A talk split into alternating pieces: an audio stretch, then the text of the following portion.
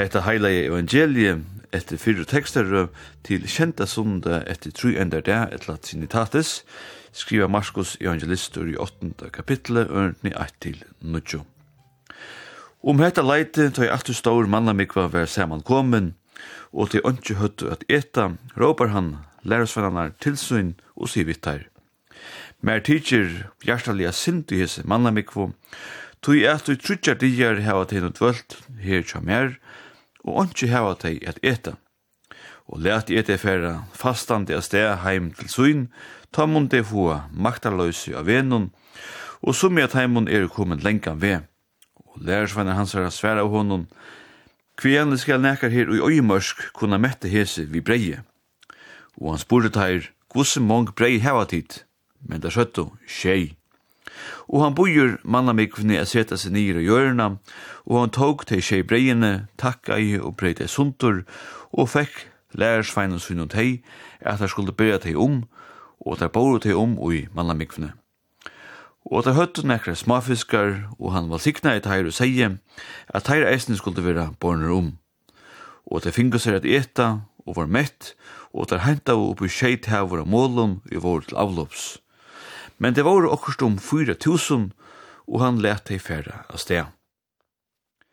Ta sikst, ta ui te fyrstu menneskene sti i foten av mannen, at nekker av astronauten skulle sia, etter at det var ferdig så lenge og ferina, at det var djupt kjeltgeir. Kjeltgeir av ensemnen. Ongen ljó, ongen hite, etla tingt, Manen var ein øyemarskar luktande klota, søttu astronautanir, og ikkje fyrir en toa var sansa hva det mestjer at liva først einasta sekund, at mestja gods meie og iveflå av luive. Nå er det ont favun å sleppa genga om mananon, og onki menneske hever verja sjøen 1902 og Og det må være få av akkun som sjølvbøyen fer ut i øyemarsna. Og just øyemørsken er i Bibelene et gammalt, sentralt firebrygte, som ofta mørsker til øvete av gode. Til her vognløse og alt illt er.